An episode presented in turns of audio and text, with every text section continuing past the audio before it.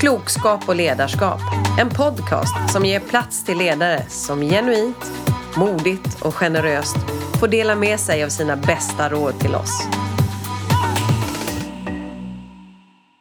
Temat idag är att vara intresserad som ledare. Ja, i allt och alla skulle man kunna säga. Det är jag, Berit Friman, VD på Dale Carnegie tillsammans med Jonas Larsson, VD på Söderberg Partners Löner. Välkommen Jonas! Tack så mycket! Jonas, när eh, du, eh, innan du blev ledare själv, vad var din bild av hur en ledare var? Jag har tänkt en del på det där eh, den senaste tiden. Och jag har några exempel som dyker upp mm. gång på gång. Och det, egentligen det, det mest tydliga, det är en ledare jag minns som jag inte tyckte så mycket om. Och det var min gamla ishockeytränare från när jag var 12, 13, 14 eller något sånt där. Och det han, det han gjorde var att han, han favoriserade väldigt hårt vissa av lagkamraterna. Eh, mig exkluderat då. Mm -hmm. eh, sen fanns det nog de som var på andra spektrat också. Där var jag inte heller med. Men jag kommer ihåg att jag såg den här orättvisan. Mm. Där det, det var väl ett, jag visste inte då vad meritokrati var för någonting. Men att se det där, kommer jag ihåg att jag ogillade otroligt mycket. Och dessutom då påhejad av min pappa som, som, eh, som uppmärksammade samma sak. Så det är ett tidigt, ett tidigt eh, negativt minne. Mm. Har du några positiva minnen också då från ledare? Ja, men det har jag. Och det, ehm, det här var ju då från idrottens värld. Och den andra platsen man har satt mycket ledare på har ju varit i skolans värld. Mm. Eh, och där kommer jag ihåg specifikt en, en man som heter Christer, som var gammal FN-soldat. Som väldigt tidigt med samtliga, helt förutsättningslöst, lyfte upp oss på hans nivå och pratade inte till oss som, som barn eller som liksom några jobbiga i klassen. Eller så, utan han tog med oss på sina upptåg. Han var nog någon form av kanske vaktmästare mer än, mer än mm. lärare. Det är lite oklart. Men man fick vara med honom på hans nivå och han konverserade oss som jämlikar. Och det har jag också väldigt starkt minne av att jag eh, uppskattade. Det är ju fascinerande att de sitter kvar så länge, de här personerna som man möter när man inte är så gammal. Men nu när du har själv blivit ledare, vad är din uppfattning om ledarskap nu då? Det har varit en lång resa för mig, mm -hmm. måste jag säga. Eh, jag, ehm, om man tittar på lite grann om min bakgrund. Eh, till att börja med under studietiden så startade jag ett bolag som heter StudyBuddy tillsammans med ett antal kursare på KTH. Och sen när jag hoppade ut och jobbade, då var det management consulting som var, som var det enda i fokus. Och där eh, stöter man ju väldigt snabbt på eh, ledare, för det är ganska hierarkiskt. Du jobbar i projektstrukturer. Eh, och du jobbar dessutom mot ledningar på de bolagen du, du jobbar mot. Så där träffar man på mycket ledare och man blir snabbt själv också ledare i form av då projektledare för projekt och liknande. När du ser tillbaka på den tiden, vad är det du upplever? Liksom, vilka egenskaper kände du själv att du kunde liksom ha nytta av just i de lägena? Det som jag i efterhand har insett var att alla kollegor var extremt drivna och motiverad av sina egna karriärer och sin egen framgång. Så de egenskaperna som kännetecknar ledare snarare än chef, eh, de behövdes inte där. Därför de, det skötte sig av sig självt. Motivation, eh, driv, framdrift. Alla de där bitarna behövde man inte tillföra för de satt i individerna. Ehm, utan det var snarare att styrning och ehm, struktur och övergripande liksom eh, hålla ihop riktningen på det man gjorde som var viktigt. Och det där har ju eh, kommit att eh, följa med mig på ett negativt sätt då kan man säga. Mm. När jag sen har, har gått över i mer rena ledarroller. Mm. Men när du hade det egna bolaget, för då var ni några, det var väl några kollegor till? Ni var väl flera med studiekamrater egentligen som startade upp det, eller hur? Ja, alltså då var det allt då var det egentligen så att det var en av oss i taget som jobbade med det. Ah, och de andra hjälpte till. Det vi gjorde var att vi höll på med mm, matematikkurser på kvällar och mm. helger. Mm. Och eh, vi hyrde ut privatlärare till familjer. Mm. Och det kräver ju aldrig någon liksom löpande hands-on eh, ledning på så vis. Det var väl då att man under en helg fick leda ett antal eh, studentkompisar som var lärare. Men det, ja, det blir inte det här vardagliga. Nej. Så när kände du själv då, då att du liksom växlade upp och verkligen fick börja liksom jobba med ditt ledarskap? Ja, men det var när jag, när jag lämnade konsultandet och faktiskt gick tillbaka till att jobba heltid med att eh, eh, utveckla StudyBuddy. Och, eh, specifikt det vi skulle göra då var egentligen att ta det från att vara ett eh, svenskt bolag till ett internationellt genom att starta upp samma verksamhet i, i England. Mm. och då... Eh, jag, jag kommer ihåg några minnen därifrån som jag kan dela med mig av. Eh, egentligen vill man ju inte det, men jag gör det ändå. Tack. för, ja, för ändamålets skull. Och det är ju att jag minns specifikt när det var en kille som jag, som jag lyfte upp så att han skulle börja rapportera till mig och ansvara för eh, kanske vår, vår drift eller vår rekrytering eller jag minns inte vad. Men jag kommer väldigt, mycket väl ihåg att jag sa till honom att eh, jag har nog en lite speciell ledarstil och eh, den går ut på att jag kommer vara väldigt tydlig när du gör någonting jag inte tycker är bra. Och annars kommer jag inte säga någonting. Så hör du ingenting så betyder det att jag tycker att du är bra. Eh, och det där hade jag egentligen med mig då från konsulttiden. Ja. Och det här med att motivation och framdrift och så vidare inte behövdes. Mm. Och det där kom ju att... Eh, ja, som tur var har jag förändrat den bilden av ledarskap eh, och hur det bör vara idag. Mm. Men vad krävdes för att du skulle ändra den? För du var ju ändå väldigt tydlig med vad du tyckte var viktigt. Så, att säga. så vad krävdes för att du skulle ändra på det sättet? Då? Jag kan inte säga att det är någon, någon specifik eh, händelse som, som förändrade det. Men eh, jag minns till exempel vissa konversationer jag hade med medarbetare när jag hade jobbat där i ett eller två år. Eh, och vi satt och pratade om hur vår, hur vår privata relation Eh, såg ut. Eh, och så mycket hade jag förstått redan då att det var viktigt att vi skulle ha en privat relation och inte bara en arbetsrelation. Och de eh, kunde, jag tror det hände åtminstone två gånger, att de tittade på mig och sa men vad menar du för någonting? Vi har ingen privat relation. Vi har bara en arbetsrelation.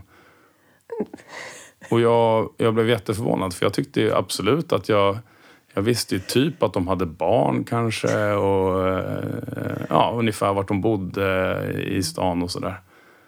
Men det var väl, kan man säga, en sån, sån sak som slog in mig på riktningen att någonting är inte helt rätt här. Mm.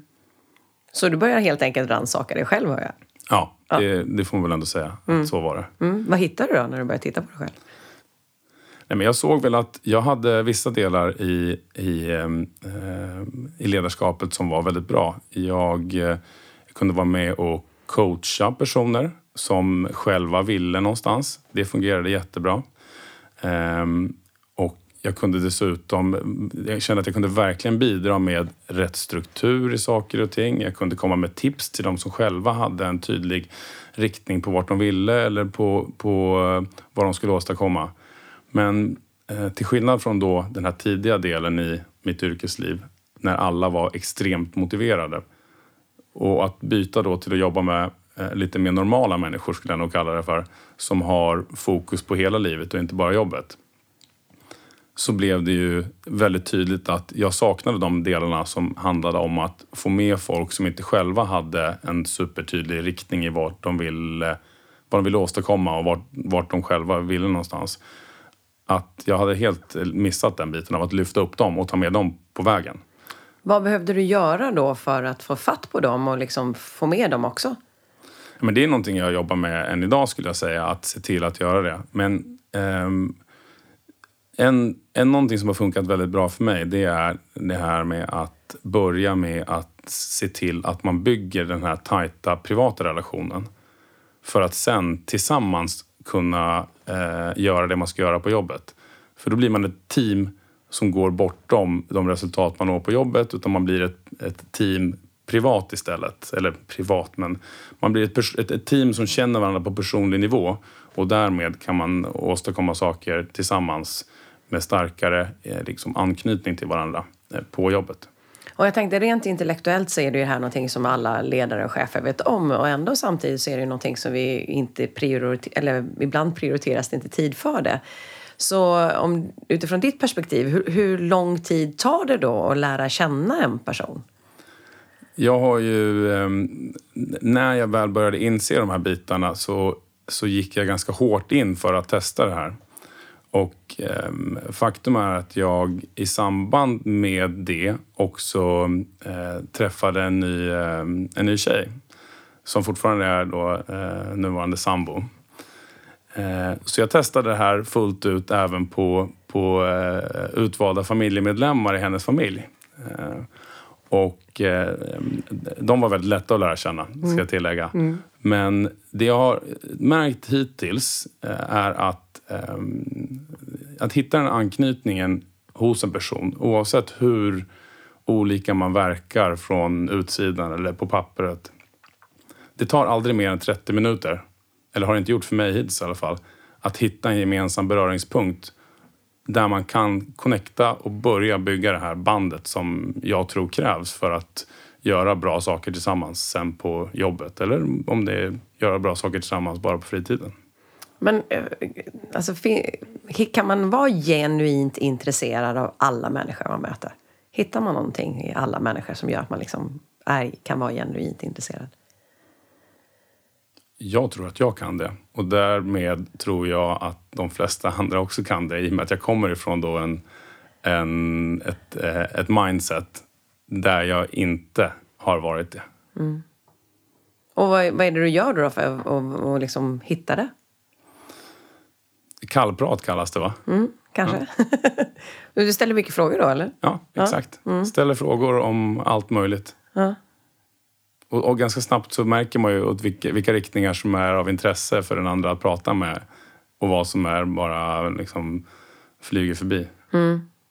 Och jag tänkte på, du kom ju sen in som en, egentligen som en liten outsider i, i den organisationen du är i nu. Eh, för hur länge du, har du varit på Söderberg Partners löner? Um, ett och ett halvt år ah, okay. är det nu ungefär. Mm.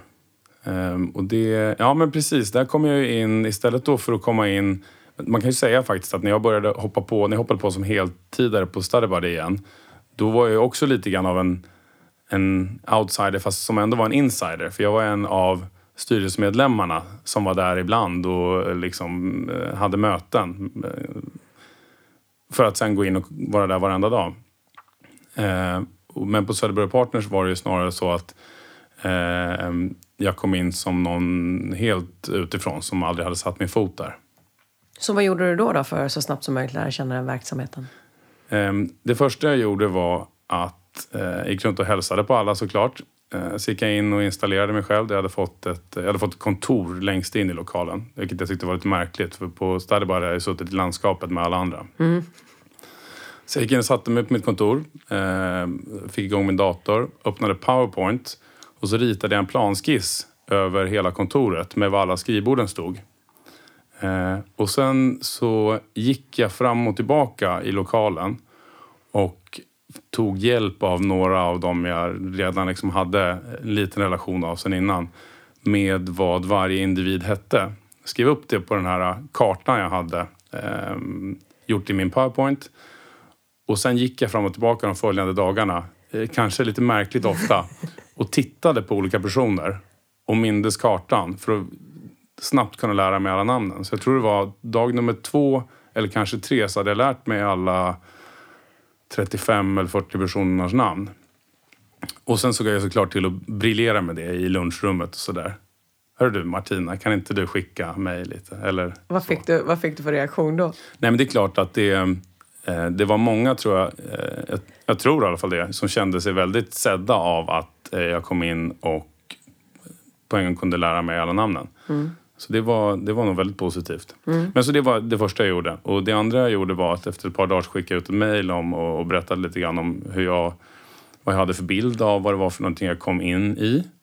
Och dessutom eh, meddelade att jag eh, kommande veckan eller veckorna skulle se till att sätta mig ner i 30 minuter med varje person och prata framförallt om dem och vem de var och vad de ville åstadkomma för någonting. Eh, inte åstadkomma på jobbet nödvändigtvis utan bara i allmänhet. Vad de, vad de hade för liksom, intressen och ville göra i livet och hur familjerna såg ut och sådär. Men sen också ta lite tips avslutningsvis på vad de tycker ska bli bättre och vad de tycker vi borde göra mindre av. Vad fick företaget. du för tips då? Vad fick jag för tips? Ja, men jag fick en, ja, dels fick jag ju lära känna allihopa på, Mm. på ett bra sätt och eh, se till att faktiskt nu veta att de inte kanske hade typ barn och kanske bodde typ någonstans i stan. Utan istället veta hur många barn det var, hur, liksom, ifall de var gifta eller inte och, och sånt. Och det var ju, eh, apropå det här med att lära känna folk, då, då hade man ju redan eh, hittat varje persons lära känna-punkt så att säga. Så då behövde man inte göra den 30 minuterna med varje person eh, efteråt. Men, men jag fick eh, alla möjliga tips. Vissa super... Eh, det, det är väldigt intressant också. Då ser man ju hur bredden av människor hur det är. Där vissa kunde komma med väldigt övergripande eh, bra grejer för hur verksamheten borde utvecklas. Och någon annan kanske snarare sa att det behövdes en, en, eh, liksom en bättre kaffemaskin eller liksom mer frukt eller sådär. Och det, är inte, det ena är inte andra än det, bet- eller, det ena är inte bättre än det, det andra. Men det är bara väldigt olika vilken typ av tips det är. Där, det där med kaffemaskinen kanske hade varit bättre för trivseln. Men de här större övergripande sakerna hade varit bättre för resultaten. Hur gjorde du sen då för att eh, ta ledarskapet? Jag tänkte det... Ja, men det är som, någonting som hände där, som ju är förskräckligt i sig, är ju att när jag hade jobbat i fyra dagar så hände det här fruktansvärda dådet på eh, Drottninggatan. Alltså när, när den här galningen körde lastbil nerför gatan och det dog ett antal personer. Och vi satt bara något kvarter därifrån. Eh, och vilket gjorde att eh, det blev väldigt kaotisk stämning på kontoret. Därför att det var ju livesändningar på tv och sånt som, man, som vi kunde följa. Eh, vi blev också inlåsta på kontoret i fyra, fem, sex timmar eller något sånt där. Eh, och det gav ju eh, mig möjligheten, vilket det låter lite makabert, men jag har ändå reflekterat över det i efterhand. Det gav ju mig möjligheten att väldigt tydligt på ett liksom, vad ska man säga, militäriskt sätt nästan, nästan ta, ta ledarrollen där. Se till att informera ordentligt, prata med de som behövde prata med och hela tiden följa eh, utvecklingen eh, som skedde utanför. Och det, det får mig att inse att ett, eh, ett väldigt bra tips till en ny ledare någonstans, eh, eller några väldigt bra tips, det är väl de här tre sakerna. Det är egentligen liksom eh, nummer ett, se till att lära dig allas namn. Eh, och tro mig, om jag kunde göra det med 40 pers på en dag, då kan alla göra det med ganska många eh, fler tror jag. Eh, nummer två, eh, se till att prata med alla personerna inom ganska eh, få dagar. Eh, därför all, framförallt de här som skulle kunna bli jobbiga personer så småningom. Det är de som är troligtvis mest missnöjda med hur det har varit och de, har mest, de är mest sugna på att få utlopp för sina åsikter. Och den tredje saken, det skulle vara det här då.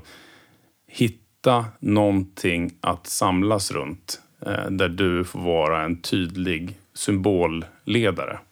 Eh, och det, förhoppningsvis behöver det ju inte ske mm, liksom, katastrofala saker utanför för att man ska kunna hitta det. Utan där tror jag man kan, man kan välja någonting ganska simpelt eh, att använda sig av.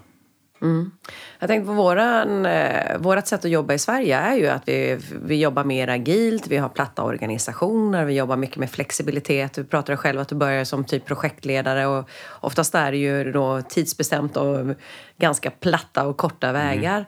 Eh, hur, ser det ut, hur, hur ser det ut hos er och hur ser du på just den, den modellen att eh, jobba? Jag tror ju att det finns, det finns många positiva saker med platta organisationer. Ehm, jag menar det, det är inte hierarkiskt, det är väl det vi brukar lyfta fram. Och eh, alla är lika värda, eh, ger ju en tydlig indikation kring och så. Samtidigt då kan man gå tillbaka till exemplet med hockeylaget att vi var ju en enda platt, eh, ett, en, en enda platt grupp ungdomar. Men det var ju ändå väldigt tydligt att det var hierarkiskt och det var inte lika för alla. Ehm, så jag tror ju att, eh, jag tror ju att eh, platta organisationer är inte bara bra utan jag tror det finns många saker med det som gör att, gör att det blir väldigt otydligt för personer. Ehm, och jag tror också att ibland det behövs det eh, olika nivåer för att den ena personen kanske vill känna att den vill agera på beslut och behöver någon som är beslutsfattare. Och i en, platt, i en helt platt organisation då behöver varje person vara sin egen beslutsfattare och genomförare. Och det där tror jag är någonting problematiskt. På vilket sätt är det problematiskt? Ja, ja man kan gå tillbaka till sig själv och fundera över eh, varför eh, tvättmaskinen inte sätter på sig själv oftare. Eller man själv inte sätter på den helt enkelt. Och det är ju för att i fall, fall hos mig så finns det inte en tydlig beslutsfattare och genomförare hemma. Utan det är jag själv som är beslutsfattare och genomförare. Och då kan jag ju mycket enklare strunta i att sätta igång tvättmaskinen. Och jag menar inte att ledarskap ska vara så att det är en person som står och sätter igång tvättmaskiner och en annan som säger åt någon att göra det. Men eh, bildligt så tror jag ändå att det är ett bra exempel därför att alla saker är inte roliga att göra på ett jobb. Eh, och om det är tydligt vem det är som bestämmer vad som ska göras och vem som gör vissa uppgifter så, ehm, så tror jag att det skapar eh, förutsättningar att åstadkomma mer. Därför då kan du åstadkomma allt som behöver åstadkommas. Inte bara det som eh, är motiverande för stunden eller det som känns kul då. Mm. Jag tänkte på när du tittar tillbaka på din tid som ledare så har du ju varit med om ett antal olika saker där du har lärt dig mycket, helt uppenbart. Men om du ser tillbaka, tänk på Study Buddy, för där gjorde ni ju, där gjorde du och ni gjorde en stor resa med det. Nu eh, så här i efterhand, vad, vilken situation ser du eller vad var du med om där som du känner att ja, men det här lärde jag mig verkligen någonting av? Det, det tråkigaste som hände under Study Buddy-tiden men som samtidigt var det, det, det var nog mest, mest lärorikt.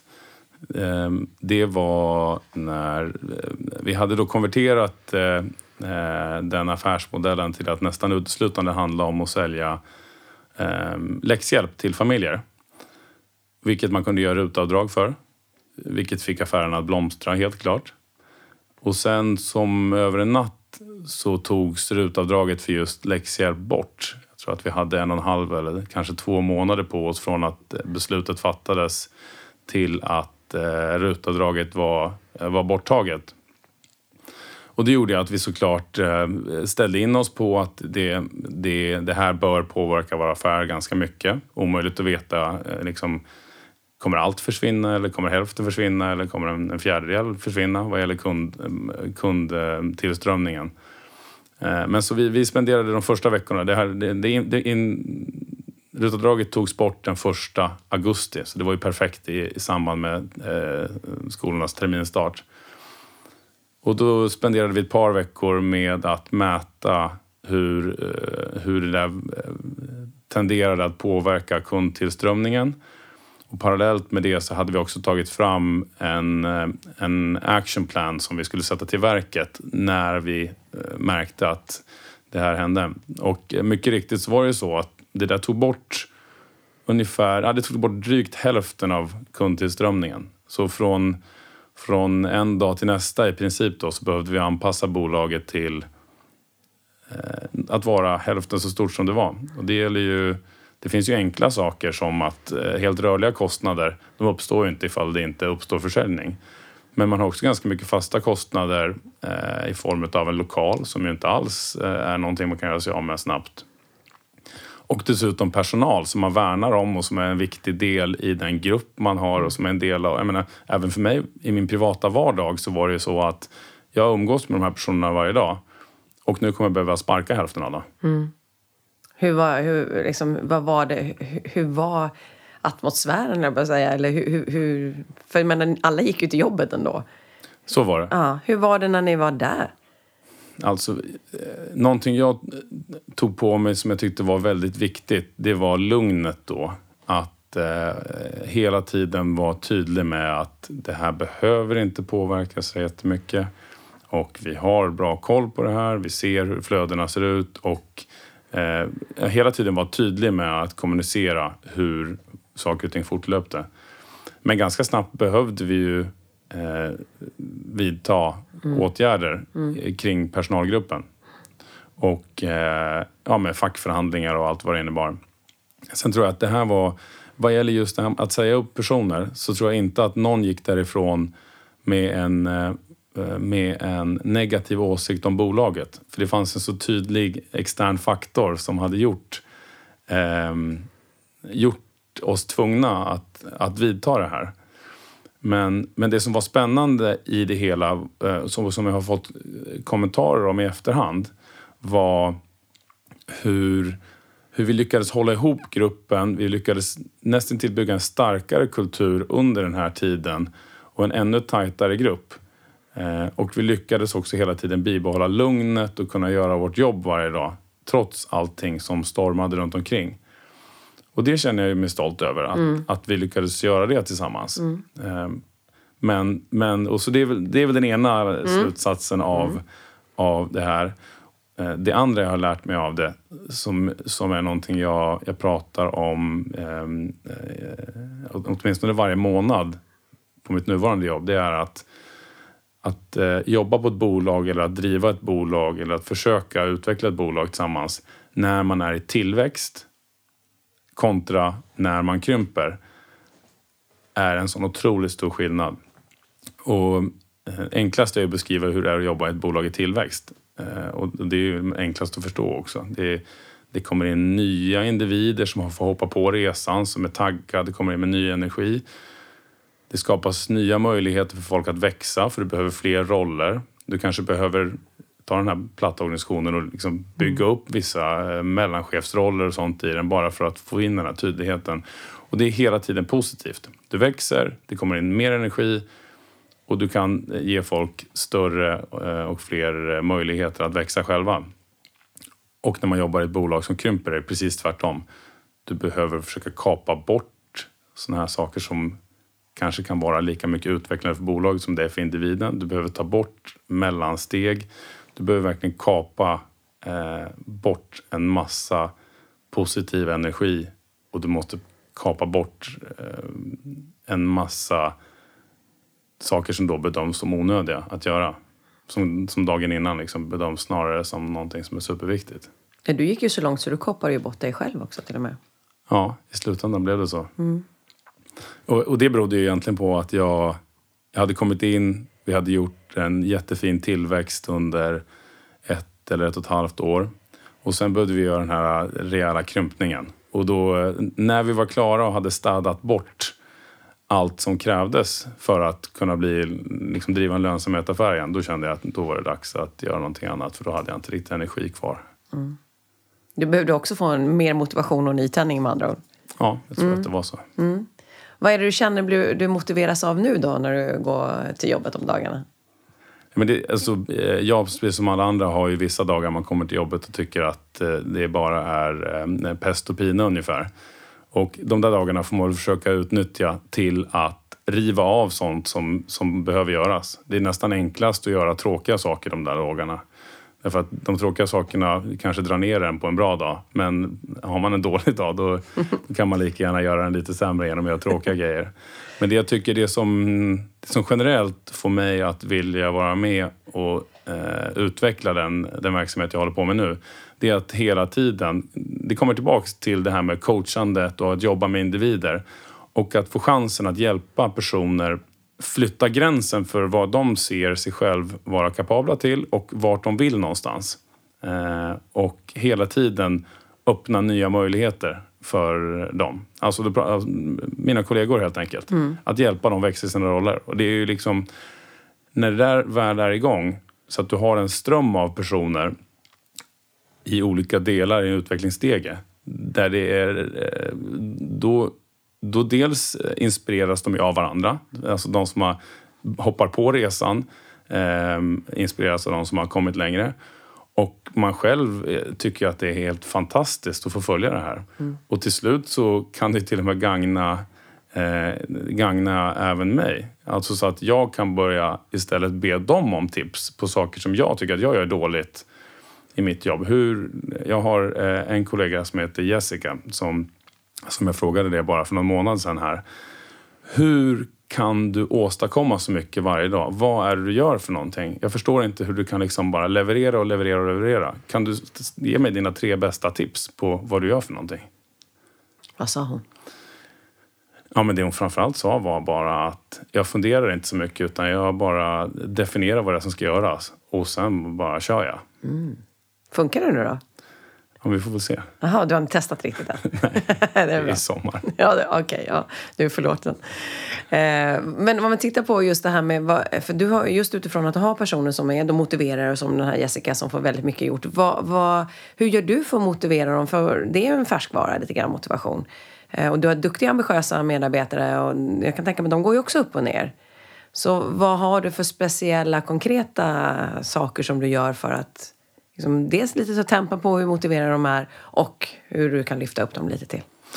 Ja, det är alltså sätta sig ner och, och prata om saker och ting. Och som inte bara är jobb, men sätta sig ner och prata, försöka förstå vart de är någonstans och eh, alltså kanske då eh, sinnes eller mindsetmässigt vart de är någonstans. Mm. Och där har jag, det har jag lärt mig mycket mer av ganska nyligt, eh, tycker jag själv i alla fall. Att jag har försökt jobba väldigt mycket i det här coachande ledarskapet med att eh, egentligen inte ge så mycket svar utan ställa väldigt mycket frågor. Och det funkar ju eh, i många lägen. Men jag har också märkt att i vissa lägen så är det bara frustrerande för folk att man ställer en massa frågor till dem. Därför det enda de vill ha är att man hjälper dem samla ihop problemet, definierar en tydlig lösning på problemet och säger åt dem egentligen vad de behöver göra. Och det går ju rätt mycket emot det där med, med coachandet och ställa frågor och hjälp dem hitta lösningen. Ehm, så det är, väl, det, det, är en viktig sak man, man kan ta med sig det där. Men förutom det, då handlar det om att tillsammans bygga målbild. Alltid tillsammans bygga målbild. Vad ska man åstadkomma? Hur ska man eh, komma dit? Varför ska man dit? Eh, för att hjälpa dem hitta, mm, vad man skulle kunna kalla visionen i deras, eh, den kortsiktiga visionen i deras roll. Så kan man kalla det. Mm. Och det jag tänkte på, det är ju ett sätt som fungerar för dem individuellt att hitta det. Hur gör du för att få dem som ett team då? För de har ju ändå ganska individuella liksom, uppgifter och jobbar väldigt självständigt om jag har förstått det rätt. Så hur gör du för, dem att, hur gör du för att få ihop det som ett team så man känner liksom att man har en grupp att jobba i? Mm. Men dels försöker vi göra kul saker tillsammans. Som vad då till exempel? Ja, men resa tillsammans mm. exempelvis. Vi var i Amsterdam i höstas över en helg och nu var vi i Riga tillsammans i våras över en helg. Eh, och det är väl några exempel. Men att vi också vi äter frukost tillsammans varje fredag. Vi eh, har en trivselgrupp eller trivselkommitté som är världens tristaste namn på en, en rolig samling människor. Eh, som hittar på kul saker. På fredag ska vi äta lunch tillsammans och bovla. Så hitta på grejer som grupp tillsammans. Dels, och då är hela gruppen. Men sen också att varje, mm, varje gruppchef eller teamledare har också en budget för att varje månad göra någonting bara med den gruppen. Eh, och vanligtvis är det väl att man går och käkar lunch eller att man eh, tar kanske en AV eller något sånt där. Mm. När du tittar, på, tittar tillbaka så här, liksom, vad, känner du, vad har du gjort som du känner att du är riktigt stolt över? Nej, men det, jag som, det jag har gjort som jag känner är, är den, den sak jag är mest stolt över i mitt arbetsliv. Det måste ändå vara det jag gjorde då på StudyBuddy. Mm. Så den punkten har inte kommit än på Söderberg Partners. Nej. Men eh, på StudyBuddy, alltså när vi, mm. när vi gjorde den här negativa resan mm. och lyckades komma ut mm. Eh, dels levande bara. Alltså vi, mm. bolaget, vi satte inte bolaget i konkurs mm. av det här, vilket hade varit det förväntade nästan. Eh, och att vi kom ut starkare med en starkare personalgrupp. Mm. Men jag tänkte på också, vad var det du tror, vad tror du Söderberg Partners såg att du hade för saker med dig som gjorde att de valde dig som VD? Det tror jag hade väldigt mycket att göra med just det här eh, bygga team, hitta gemensam målbild och vision och driva på dit. Och de liksom hittar rätt nycklar för att få personer att, att, göra, ja, att vara, vilja vara med mm. på den resan.